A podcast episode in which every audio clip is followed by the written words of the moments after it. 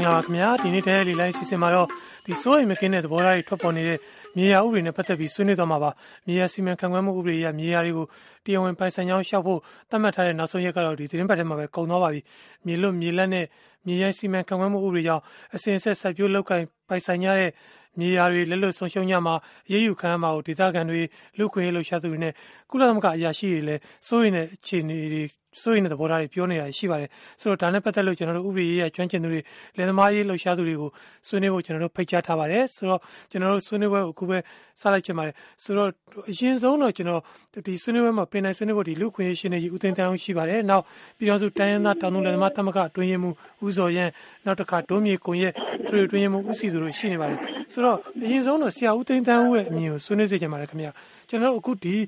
ပေါ့လေဒီပြီးခဲ့တဲ့ဒီတစ်ပတ်ထဲမှာပဲတက်တန်းကုံသွားတဲ့တက်တန်းပြည့်သွားတဲ့ဒီဥပဒေနဲ့ပတ်သက်လို့ပေါ့လေ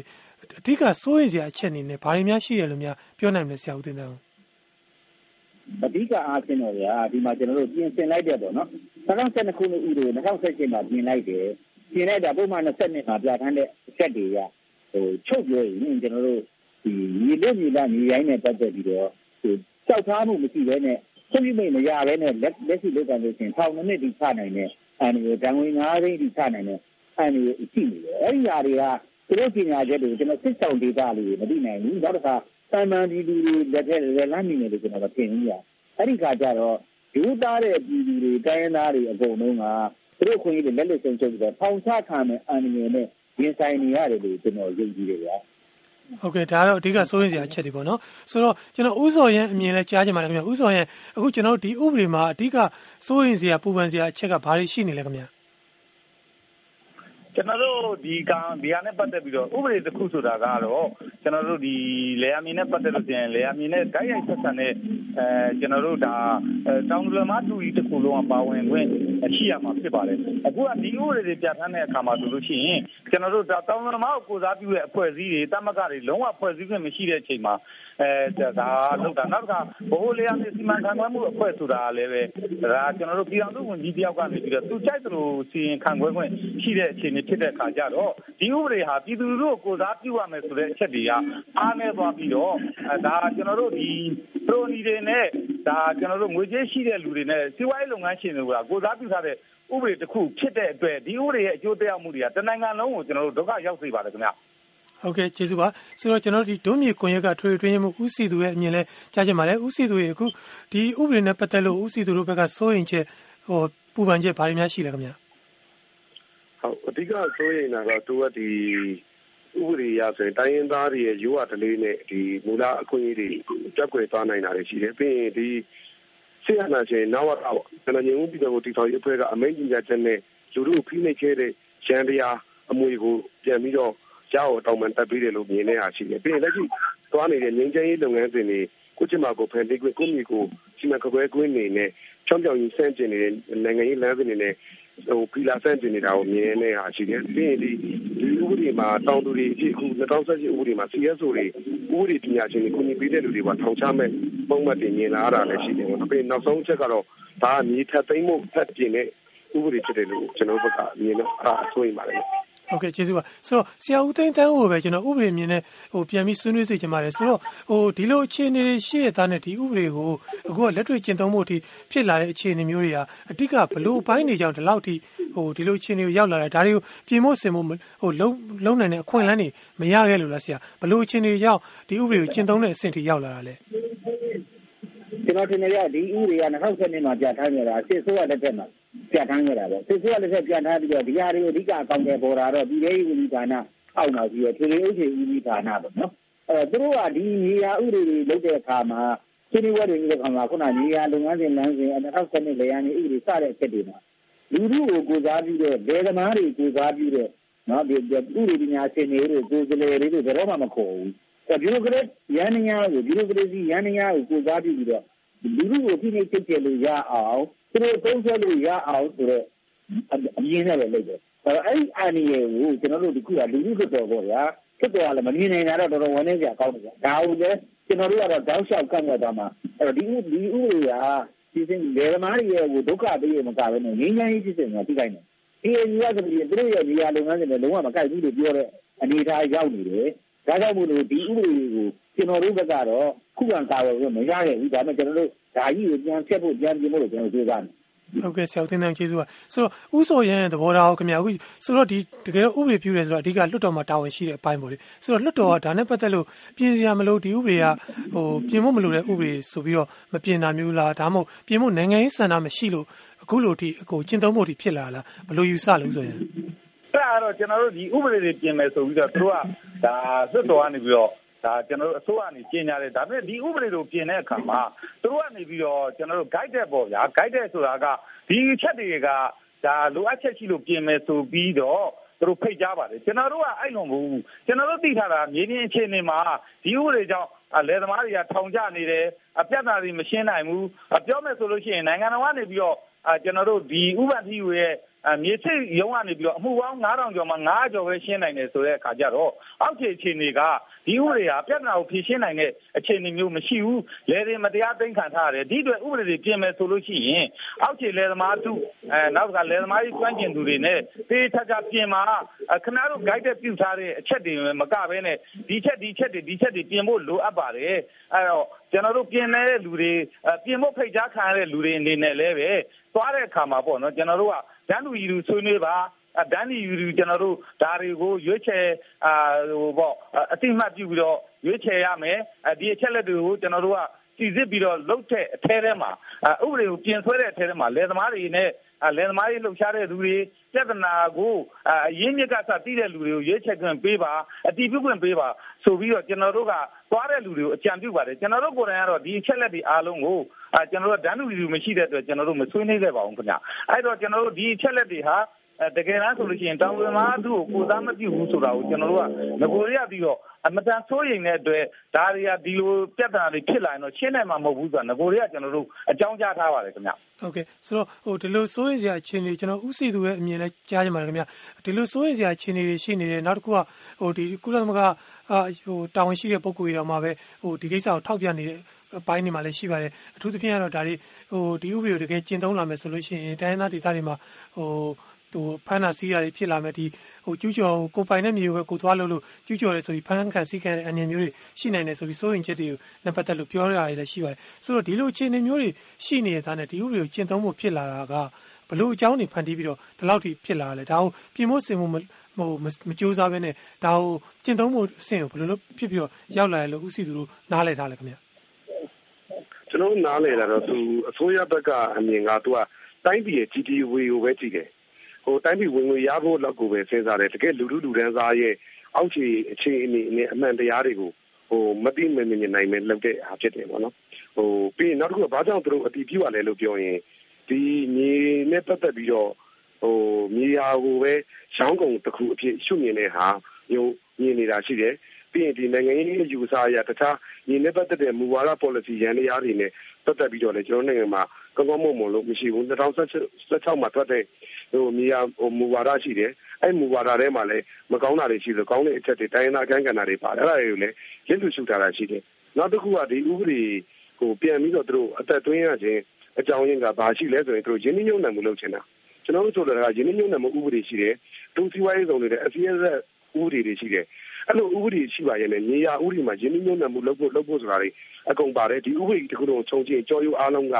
လေသမားဆိုတာစာတကြောင်ပဲပါပြီးတော့ ကျန်တာကုမ္ပဏီတွေလုပ်ငန်းရှင်တွေခရိုနီတွေပြည်ပလုပ်ငန်းရှင်တွေပြည်လေးလုပ်ငန်းရှင်တွေအလုပ်လုပ်ဖို့လုပ်အပ်ရင်ရဲအရေးပိုင်တဲ့အမှုနဲ့တောင်းသူတွေကိုတရားစွဲဖို့ဆိုတဲ့ဟာမျိုးတွေဖန်တီးကြတာဖြစ်တယ်ဖန်တီးနေတာမဟုတ်ဘူးစိုးရိမ်နေတာမဟုတ်ကျွန်တော်ပြတ်သွားပြီကျွန်တော်တို့ဒီဇင်ဘာမှာဒီဥပဒေထွက်ပြီးတော့မဟုတ်ဘူးရင်ကလေသမားတွေဆန္ဒပြတယ်အခုဒီနေ့အထိဆိုရင်35ဦးရှိပြီဒီဥပဒေကတရားစွဲခံရတာကျွမ်းငံမှာလည်းညီလိုမြင်လည်းမြင်ဥပဒေပုံမှန်20ခါဝင်းနဲ့ဆွဲခံရတာ၄ဦးထက်ရှိပြီအဲ့လိုမျိုးသူက လူတို့ကိုဖိနေရရန်တည်းကနဝတာတုံးခဲ့တဲ့အတိုင်းပဲပြန်ပြီးတော့ဒီဥပဒေကိုဒီပြောပြန်ဖြစ်မှာပဲဆိုကျွန်တော်ထောက်ပြတော့ညာလည်းထပ်ဖြစ်နေတယ်ဒီဖြစ်ဘာဘာရှိသေးလဲလို့ပြောရင်တောင်သူတွေထောင်ချခံရရုံမဟုတ်ပဲနဲ့ဒီထဲမှာ CSO တွေဘောနော်ရပ်ပတ်အဖွဲ့အစည်းတွေဥပဒေပညာရှင်တွေကိုပါသူကဟိုထောင်ချနိုင်တဲ့ပုံမှန်မျိုးတွေထပ်တော့ဥပမာကျူးကျော်သူရဲ့အနောက်မှာကျူးကျော်သေးသူ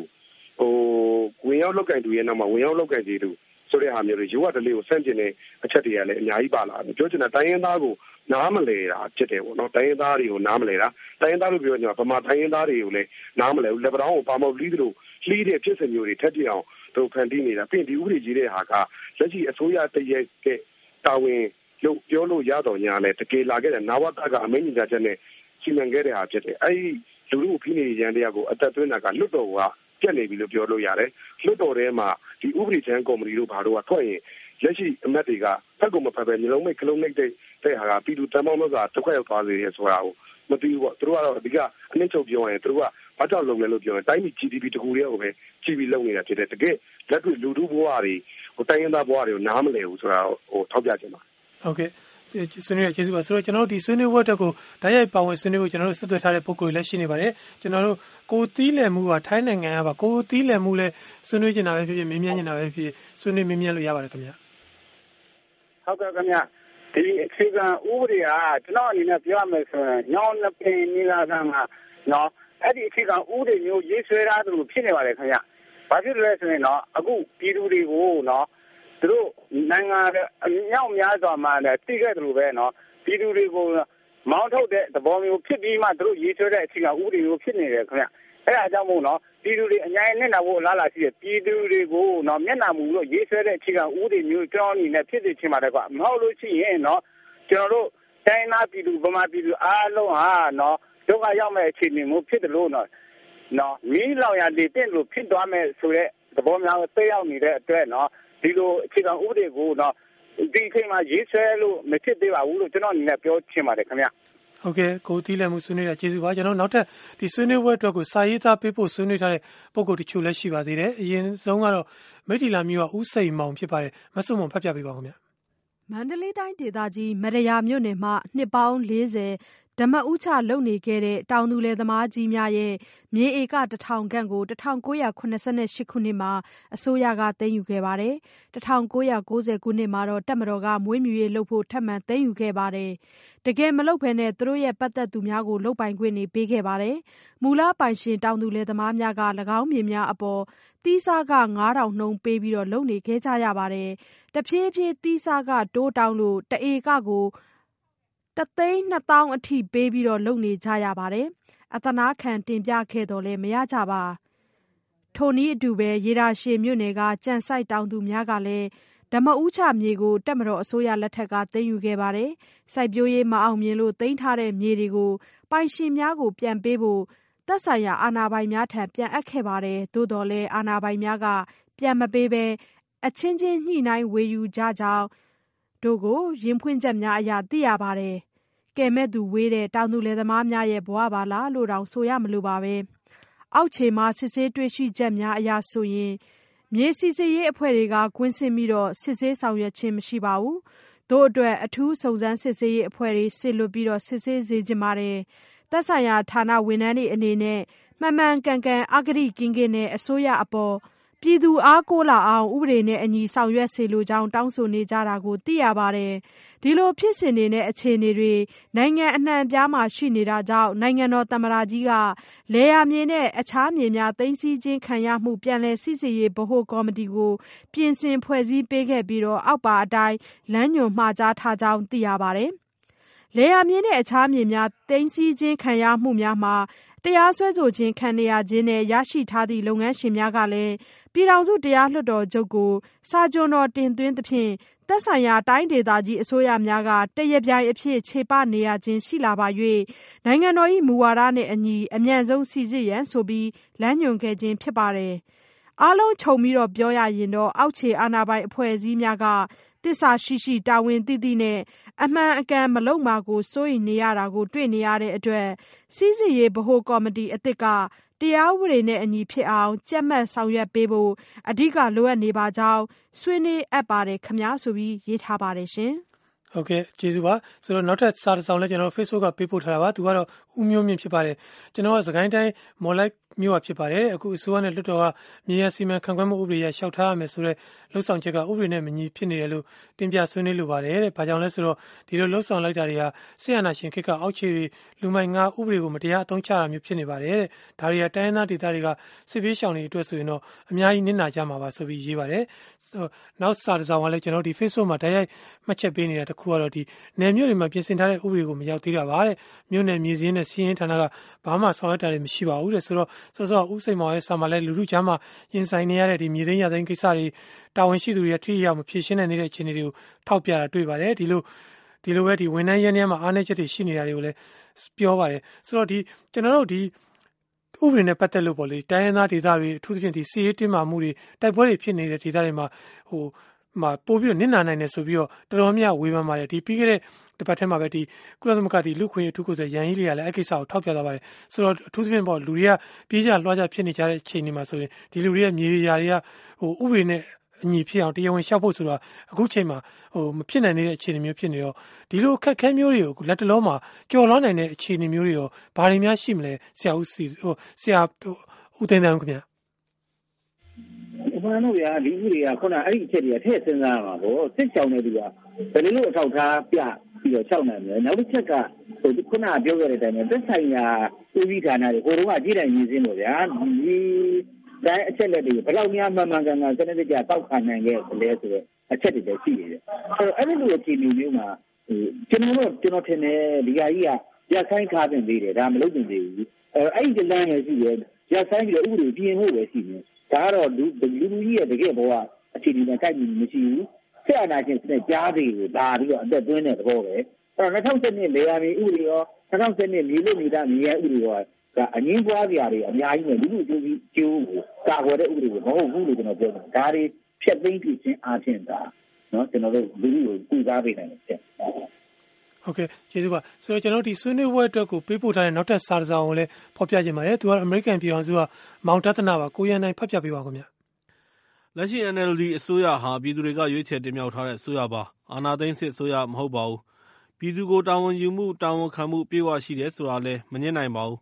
ဒါပြင်အစိုးရရဲ့မူဝါဒတွေကိုထိန်းညှိပေးနိုင်မဲ့လွှတ်တော်တွေရပ်ဖက်အဖွဲ့အစည်းတွေသတင်းမီဒီယာတွေရှိနေတဲ့အတွက်မြေလွတ်မြေလပ်မြေရိုင်းစီမံခန့်ခွဲမှုဥပဒေကြောင့် ဘိုးဘွားစဉ်ဆက် လုပ်ကိုင်လာကြတဲ့ မြေယာတွေ ဆုံးရှုံးကုန်မှာ အလွန်အကျွံ စိုးရိမ်စရာ မလိုအပ်ဘူးလို့ ယူဆမိပါတယ်။မိမိတို့ရဲ့ မြေယာပိုင်ဆိုင်မှုတွေကို စနစ်တကျ တရားဝင် ပြုလုပ်ခြင်းအားဖြင့်မျိုးသားတဲ့ အာဏာပိုင်တွေ၊ဌာနဆိုင်ရာတွေ၊ခရိုနီတွေနဲ့ ပြည်ပ ရင်းနှီးမြှုပ်နှံမှု လုပ်ငန်းရှင်တွေရဲ့ မြေယာသိမ်းပိုက်မှု ဘေးအန္တရာယ်က လွတ်ကင်းနိုင်သလို သိမ်းပိုက်ခံရပါကလည်း ထိထိရောက်ရောက် တရားစွဲဆိုနိုင်ကြမှာ ဖြစ်ပါတယ်။အထူးသဖြင့် နှစ်ပေါင်းများစွာ မလုပ်ခဲ့တဲ့ မြေယာစီမံခန့်ခွဲမှု ဥပဒေတွေကို စနစ်တကျပြုစုခြင်းအားဖြင့် စနစ်ဆိုးကို ဖက်တွယ်ပြီး မသမာတဲ့နည်းလမ်းတွေနဲ့ ရယူထားတဲ့ မြေယာတွေကို ဖော်ထုတ်နိုင်မှာဖြစ်သလို တိုင်းပြည်ဘဏ္ဍာငွေ အမြောက်အများ လေလွင့်ဆုံးရှုံးမှုဘေးအန္တရာယ်ကနေ ကာကွယ်နိုင်မယ်လို့လည်း ယူဆမိပါတယ်။တခါ မြေယာပိုင်ဆိုင်မှုတွေကို တရားဝင်ပြုလုပ်ခြင်းကြောင့် ဘိုးဘွားစဉ်ဆက် လုပ်ကိုင်လာကြတဲ့ လယ်သမားတွေအနေနဲ့ စက်ယန္တရားမျိုးစေ့တွေကနေ နည်းပညာနဲ့ ငွေကြေးအစုံထောက်ပံ့ကူညီမှုတွေ မျိုးစုံရနိုင်တယ်လို့ ယူဆမိပါတယ် ဒါ့အပြင် အရပ်ဘက်အဖွဲ့အစည်းတွေ၊လွှတ်တော်ကိုယ်စားလှယ်တွေနဲ့ ပူးပေါင်းပြီး မြေယာစီမံခန့်ခွဲမှုဥပဒေရဲ့ အားနည်းချက်၊အားသာချက်ကို လယ်သမားတွေကိုယ်တိုင် တင်ပြခွင့်ရရှိမှာဖြစ်တဲ့အတွက် ကောင်းသောအကျိုးကျေးဇူးတွေ အများအပြား ရရှိနိုင်ပါကြောင်း ဆွေးနွေးလိုက်ရပါတယ်။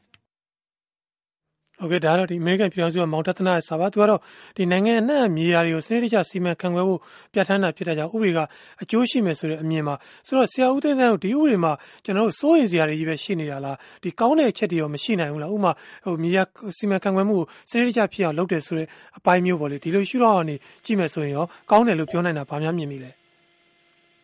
ဟုတ်မြေယာစီမံခန့်ခွဲမှုကဒီထဲလာလို့ကိုမလိုပါဘူးရမြေယာစီမံခန့်ခွဲဖို့ပေးတယ်ကအခု ကျွန်တော်လေယာဉ်နဲ့စီးရင်ဌာနဆိုပြီးတော့ဟိုတုန်းကကြီးတိုင်းနဲ့ကြီးစင်းကြီးတိုင်းနဲ့ကြီးစင်းကသူ့လုပ်ငန်းသူကိုလုပ်ဖို့အတွက်ဥပဒေပြီးကြားပြဋ္ဌာန်းကြရမရှိပါဘူးဒါတရားကတော့ကျွန်တော်ကိုစီတူတို့ယူဆတယ်လို့ပဲဒါကတော့ကျွန်တော်တို့ရင်းနှီးနှုန်းနှံမှုတွေတိမ့်လို့ဆဲလို့ရထုတ်တယ်လို့ပဲဖြစ်နေကျွန်တော်တို့ဒီမြေလွတ်မြေလမြေရိုင်းဆိုနောက်ဆက်တဲ့ခုနှစ်ဥပဒေရဲ့အတိအကျဖွင့်ဆိုချက်တွေကိုကျွန်တော်သဘောမတူဘူး။နော်လေယာဉ်2010လေယာဉ်ရေးဒီမှာလေသမားဆိုတဲ့ဖွင့်ဆိုချက်တွေသဘောမတူတော့ဒီဥပဒေရဲ့ပင်ကိုနှစ်တာရကိုကော င်းတဲ့လက္ခဏာချက်တွေမရှိဘူးလူလူကိုဒီဖိနှိပ်ချုပ်ချယ်ဖို့လူလူကြီးအကြီးတွေမတရားလူဖို့လုပ်တာတဲ့ဥပဒေတွေကျွန်တော်တို့မြင်နေတယ်ဟုတ်ကဲ့ဆိုတော့ကျွန်တော်ဥစော်ရန်ကိုလည်းမေးချင်ပါတယ်ခင်ဗျအခုကဒီဥပဒေကလက်ရှိဟိုရည်ရွယ်ရင်းကိုဒီအာဏာရှိတဲ့လူတွေငွေကြေးတက်နိုင်တဲ့လူတွေအကျိုးရှိမဲ့ဥပဒေလိုမျိုးဖြစ်နေတယ်ဆိုတော့ဒီလိုလူလူတွေအတွက်ကြည့်ပြီးအကျိုး ဟိုရှိရမှာမဟုတ်ဘဲနဲ့ဒီတာမန်ပြည်သူတွေအထူးသဖြင့်ပေါ့ဒီဒီဥပဒေရဲ့အကျိုးတရားမှုကိုတိုက်ရိုက်ခံစားရမယ်တောင်သူတွေအကျိုးရှိဖို့ဆိုရင်ဒီဥပဒေမှာအဓိကဘာတွေပြင်ဖို့ဆင်ဖို့လိုမလဲဥဆိုရင်ကျွန်တော်တို့မြန်မာနိုင်ငံမှာဆိုလို့ရှိရင်အခုမြေယာမူဝါဒရှိပါတယ်ဒီမြေယာမူဝါဒမှာဆိုလို့ရှိရင်ဒီမြေယာတွေကိုဟတိုင်းသူပြည်သားလူအများပေါ့နိုင်ငံသားအားလုံးကမျှမျှတတနဲ့တရားမျှတစွာရအောင်သုံးစွဲရမယ်ဆိုတဲ့အချက်လည်းပါပါတယ်အဲ့တော့ကျွန်တော်တို့ကအခုဒီနေရာဒီ2000အာ ကျွန်တော်တို့ဒီမြေလွတ်မြေလပ်မြေရိုင်းဥပဒေမှာဆိုလို့ရှိလို့ရှိရင်အာဒီအခု နိုင်ငံတော်မြေယာမူဝါဒအနေနဲ့ လွဲချော်နေပါတယ်။ဘာဖြစ်လို့လဲဆိုတော့ နိုင်ငံတော် မြေယာတော့မြေယာမူဝါဒမှာဆိုလို့ရှိရင်အတိုင်းသားဒေသတွေမှာဗမာပဲဖြစ်ဖြစ် ဒီမြေတွေမှာ မှတ်ပုံတင်တင် မတင်တင်တင်ပေါ့နော်။အတိုင်းသားဒေသတွေမှာ ဒီလို မူလလက်ဦးလောက်ကင်နေတဲ့ လူတွေကအခြေအနေ မပြတ်ပြားပဲနဲ့ မထိခိုက်ဖဲနဲ့ဒီကိစ္စတွေကိုဆောင်ရွက်ရမယ်ဆိုတဲ့အချက်ကအခုဒါတွေနဲ့လွဲနေပါတယ်အခုဆိုလို့ရှိရင်ကျွန်တော်တို့တနိုင်ငံလုံးပါဗျာကျွန်တော်တို့ဒီရှမ်းပြည်လွယ်တောင်းမှာဆိုလို့ရှိရင်လေဧက400ကျော်လောက်ကိုအဲ့ဒါကျွန်တော်မြေလွတ်မြေလပ်မြေရိုင်းဥပဒေနဲ့တင်လိုက်တယ်ဒါပေမဲ့မြေလွတ်မြေလပ်မြေရိုင်းဥပဒေမှာဆိုလို့ရှိလို့ရှိရင်ဒီမြေလွတ်ဆိုတာဘာမြေလက်ဆိုတာဘာဆိုတာဒါလူတွေနေထိုင်ဝင်မရှိတဲ့ဟာမြေလက်ဆိုလို့ရှိရင်လေတစ်ချိန်ကနေထိုင်ပေမဲ့အခုအသုံးမပြုတဲ့မြေမျိုးဖြစ်ရမယ်အခုက လယ်သမားတွေကိုယ်တိုင်လောက်ကင်စားတောက်နေတဲ့ဟာကိုမြေစင်းရင်မှာကြည့်လိုက်လို့ရှိရင်မြေလွတ်မြေလက်မြေရိုင်းချစ်တဲ့အတွက်ကိုဆိုပြီးတော့သူတို့ကဒါကိုတိမ့်လိုက်တယ်မြေလွတ်မြေရိုင်းနဲ့တိမ့်ပြီးတော့ခရိုနီတွေနဲ့ခုနကလုပ်ငန်းရှင်တွေကိုရောင်းချလိုက်တယ်ဟလာကျွန်တော်တို့လောက်ကန်ခွင့်ပြုလိုက်တယ်အဲ့တော့ဒီမျိုးဥပဒေမှာဘာပါလဲဆိုရင်ပတ်စံရှိတဲ့လူတွေကနိုင်ငံသားတွေနဲ့ဖက်ဆက်ကုန်ပြီဆိုရင်9000ကနေ9000ထိလောက်ခွင့်ရှိတယ်တိုင်းသားလုပ်ငန်းရှင်က900ကနေ9000ကနေ9000တိုင်းသားလုပ်ငန်းရှင်ဆို900ကနေ9000ကြေးရွာလုပ်ငန်းရှင်ဆို900နေပြီးတော့ ကျွန်တော်တို့9000ထိလောက်ခွင့်ရှိတယ်ဒါပေမဲ့ကျွန်တော်တို့ကတိုင်းသားပြည်သူတွေမှာကြတော့ဟလာကျွန်တော်လောက်ကစားတော့ဖို့အတွက်ပေ200ခွက်တွေဟလာခုနကပေ40ပေ60ခွက်တောင်မှရှောက်စားခွင့်မရှိဘူးအဲ့တော့ကျွန်တော်တို့ကဒီမြေလွတ်မြေလက်မြေရိုင်းဥပဒေရာဆိုလို့ရှိရင်ဒါဒီကျွန်တော်တို့ခုနကနိုင်ငံတော်မြေယာမူဝါဒတွေနဲ့လည်းလွဲချော်နေတယ် နောက်တစ်ခါအခုဆိုလို့ရှိရင်ဟာလာတောက်လျှောက်ကိုတောင်လမားတွေကဒီမြေလို့မြေလက်မြေဥတွေနဲ့ပတ်သက်ပြီးတော့ထောင်တွေပဲကြာနေတယ်တရားစွဲခံနေရတယ်သူဆိုရင်ရုံငိမ့်မောင်း560စီတက်နေရတာကိုကြည်ချင်းအဖြစ်ကိုဒီမြေလို့မြေလက်မြေဥတွေကဆိုလို့ရှိရင်ပြန်လဲရေးဆွဲသို့မဟုတ်ဖြတ်သိမ်းပြီးတော့ကိုအစ်စ်ဆွဲရမယ်ဆွဲတဲ့အခါမှာလဲတောင်လမားတွေပါဝင်ပတ်သက်ရမယ်လယ်သမားရေးကျွမ်းကျင်သူတွေပါရမယ်လွတ်တော်ကြီးပဲနဲ့ကျွန်တော်တို့မလုံလောက်တော့ဘူးဆိုတဲ့အခြေအနေကအခုပြဿနာတွေက လက်ရှိခံစားပြီးတော့အစိုးရမရှင်းနိုင်တဲ့ပြဿနာတွေကပေါ်ပြနေတယ်ခင်ဗျ။ဒါကြောင့်ဒီဥစ္စာကကျွန်တော်တို့လုံးဝကိုလက်ခံလို့မရဘဲနဲ့ပြန်လဲပြင်ဆင်ရေးဆက်သုံးဖို့ဖျက်သိမ်းပြီးတော့အသစ်စရေးဆွဲရမယ်ဆိုတော့ပေါ်လွင်ပါတယ်ခင်ဗျ။ဟုတ်ကဲ့ကျေးဇူးပါဆိုတော့ဥစီသူရဲ့သဘောထားခင်ဗျအခုကဟိုဆောစောအကုန်လုံးထောက်ပြနေတယ်လို့ပေါ့လေဒါငွေကြေးတက်နိုင်တဲ့သူတွေဩဇာအာဏာအရှိန်အဝါရှိတဲ့လူတွေအတွက်ပဲအကျိုးရှိမလို့ဖြစ်နေတဲ့ဥပဒေတရက်ဆိုတော့ဒါဟိုအဓိကပေါ့လေပြင်ဖို့ပဲဖြစ်ဖြစ်ဒါဟိုအစ်စ်ပြန်ရေးဆွဲဖို့ပဲဖြစ်ဖြစ်ဘယ်အပိုင်းတွေမှာအဓိကလိုအပ်ချက်တွေရှိနေမလဲဟို အပိုင်းနဲ့ပြောရင်တော့အတိတ်ကဥပဒေပုံမှန်ဒီအားလုံးကဒီရင်းနှီးမြှုပ်နှံမှုလုပ်ဖို့ဟိုတရုတ်ကိုဖိတ်ခေါ်ဖို့နောက်ပိုင်းလာမယ့်ဟာတွေကိုအတွက်ကိုတကားဖွင့်ရေးဆွဲထားတာဖြစ်တယ်ပေါ့နော်အဲ့တော့ဟိုပြင်မယ်လို့ပြောရင်ကျွန်တော်တို့အပြင်တာကိုသဘောမတူဘူးလုံးဝဖြတ်သိမ်းရမယ့်ဥပဒေဖြစ်တယ်ဟိုတခြားရင်းနှီးမြှုပ်နှံခြင်းရင်းနှီးမြှုပ်နှံမှုဥပဒေတို့ဘာလို့ရှိပြီးသားဖြစ်ရှိပြီးသားပေါ့လေဒါပေမဲ့ဒီထဲမှာကမြေကိုလွယ်တကူသိမ်းလို့ရအောင် သူကညီကိုတိမ့်ုံတွင်မဟုတ်ဘူးအဲ့ဒီပေါ်မှာနေထိုင်တဲ့လူတွေကိုရဲရင်ကအလိုတလို့အသုံးပြုပြီးတော့တရားစွဲခွင့်ရအောင်ဟိုဖန်တီးတာဖြစ်တယ်ပေါ့နော်အဲ့တော့ကျွန်တော်ကတော့ချက်သိမ်းရေးဘက်မှာပဲကျွန်တော်တို့မမထန်တဲ့ရက်တီတာလည်းရှိတယ်နောက်တစ်ခုကဒီတွေကအပိုင်းတွေကဟိုကောင်းတာဟိုပြောပါဆိုရင်ကောင်းတာကျွန်တော်တခုမှမတွေ့ရဘူး မြေလူမြေလည်းမြေရင်လျှောက်ဖို့အချက်20ရှိတယ်20လုံးကလေသမားမတက်နိုင်တဲ့ဟာတွေကြီးပဲဥမာအဖြစ်မြေကြီးမြေပုံ105သဘောမျိုးပေါ့လေအဲ့ဒါမျိုးလေသမားတိုင်းမှာရှိနေတဲ့ကိစ္စမဟုတ်ဘူးဗန်အငွေလို့ပြောရင်ဗန်အငွေဆိုခရိုနီပါပဲရှိတာလေသမားတွေမပြောနဲ့တောင်းတောင်းဟိုပုံမှန်မျိုးပေါ်လူတဲ့သားတော့ဟိုဘန်မှာဗန်အငွေရှိတဲ့ကိစ္စမဟုတ်ဘူးပြည်နယ်သုံးဖို့တိုင်းဒေသကြီးရဲ့ထောက်ခံချက်ဆိုဝေးရောလေသမားဆိုတာရွာယုံရက်ွက်ယုံတောင်မှတည်ရဲတာဟာမဟုတ်ဘူးပေါ့တကယ်ကိုလူထုနဲ့အလံဝေးပြီးတော့ ဟိုတမင်ဖန်တီးထားတဲ့ဟာဟုတ်တယ်လူထုနဲ့လုံးဝလာလာမှမသက်ဆိုင်မနဲ့ဟိုလူထုကိုအလွယ်တကူဖိနှိပ်လို့ရအောင်မောင်းထုတ်လို့ရအောင်ဘဝပြတ်အောင်ဘဝပြေပါအောင်ဖန်တီးထားတဲ့လက်နက်တကူလည်းဖြစ်တယ်ပေါ့နော်အဲ့တော့ကျွန်တော်တို့ကတော့ဒီရဲကကောင်းတဲ့အပိုက်ပြောပါဆိုရင်ကောင်းတာတခုမှမြင်မတွေ့ရဘူးပို့ပြီးတော့သိုးသားစင်တဲ့အချက်တွေပဲရှိတယ်ပေါ့လေအဲ့ဒါမျိုးမြင်တာရှိတယ်နောက်တစ်ခုကဒီထဲမှာအပါတဲ့အချက်တွေကဘယ်အပိုင်းကကောင်းနေရလဲဘယ်ဘက်ကဖြစ်စင်းရမှာလဲလို့ပြောရင်အားလုံးကဖြတ်သိမ်းရမှာပုံမှန်အားလုံးချိန်တဲ့ဟာကို ကောက်ဖက်ကြည့်လိုက်ကြောရုပ်တစ်ခုလုံးကဒီနဝတအစိုးရကမြေကိုလိုတလို့အသုံးပြုတဲ့ဒီအီလီလူရန်စာကလိုတလို့အသုံးပြုလို့ရအောင်ကိုပဲဆက်ပြီးတွားလိုက်ရဖြစ်တယ်အခုစစ်စစ်မှာတော့ဘာပြောင်းလဲလို့ဘာမှမပြောင်းဘူးရှင်းဆိုထောင်ချဖို့တိုးလာတဲ့ဟာရှိတယ်ပုံမှန်20နှစ်6လအတွင်းမှတ်ပုံတင်ရမယ်ဆိုတဲ့ဟာတိုးလာရှိတယ်အဲ့တော့6လအတွင်းမှတ်ပုံတင်နေဖြစ်စီမတင်နေဖြစ်စီဒါဒီလူလူရှေ့ကဥပဒေတွေမှာ2012ဥပဒေမှာကောနဝတရဲ့အမိန့်ညင်ကြားချက်ပေါ့နော်ဥပဒေတော်မဟုတ်ဘူးဥပဒေကဲတော့အာနာတီတော်ဆိုပြီးတော့လူတို့ကိုဖိနှိပ်တဲ့ အချိန်တုန်းကကောပုံမှန်20နှစ်ဆိုတာမပါဘူးမပါပေမဲ့လည်းလူတို့အားလုံးကဘဝပြည့်ရတယ်ထောင်ထဲရောက်ရတယ်အချင်းစကန်ရောက်ရတယ်တရားစွဲခံရတယ်အခုဥပဒေကလည်းဒီ20နှစ်အပေါ်မှာပဲကျွန်တော်တို့တင်ပြီးစဉ်းစားနေရရှိတယ်လို့မျိုး20နှစ်ရှိပြီဖြစ်စေပါတီဖြစ်စေမပါတီဖြစ်စေဥပဒေကြီးတစ်စုံလုံးကိုကတိုင်းရင်းသားတွေနဲ့ကျွန်တော်ပြည်သူလူထု ဖိနှိပ်မှာဖြစ်တယ်။ဥပမာတဝဲမှာဆိုသူတို့ကျွန်းရှိရာကိုမြေလို့မြေလည်းမြေလာလျှောက်သွားတယ်ဒီ2010ဥပဒေထွက်ပြီးတဲ့နောက်ပိုင်းမှာချင်းပြည်နယ်မှာကုမ္ပဏီကူကကျော်အုံးစုရောက်လာတယ်။ဟိုဟာကမြို့ကစီမံကိန်းတန်းလုပ်တယ်။အဲ့မှာဟာကမှာလေသမားတွေဆန္ဒပြနေတာရှိတယ်။ပြောချင်တာကလူလူလူကန်းသားရဲ့ဘဝတွေရက်တီချက်တွေကိုတခုမှထည့်သွင်းစဉ်းစားခြင်းမရှိဘဲနဲ့လူတစုရဲ့လုံပိုင်ခွင့်နဲ့ဒီနောက်ပိုင်းတရုတ်တွေလက်တကူဝင်လာလို့ရအောင်ဖန်တီးထားတဲ့အရာသားလည်းဖြစ်လို့လုံးဝဖြတ်သိမ်းတင်တယ်လို့ကျွန်တော်မြင်ပါတယ်ဗျ ဟုတ်ကဲ့ပါဝင်ဆွေးနွေးပေးခဲ့တဲ့လူခွင့်ရေးရှင်ကြီးဦးသိန်းတန်းဦးပြည်တော်စုတိုင်းရင်းသားတောင်သူလယ်သမားတမကအတွင်းမှုဦးစော်ရန်ဒုမြေခွင့်ရေးအထွေအတွင်းမှုဦးစီသူနောက်ကိုယ်တိုင်ပါဝင်ဆွေးနွေးတဲ့သူတွေမှတ်ချက်တွေရေးသားပေးပို့သူတွေနဲ့တော်တာရှင်တွေအားလုံးလည်းအထူးပဲကျေးဇူးတင်ပါတယ်ခင်ဗျာ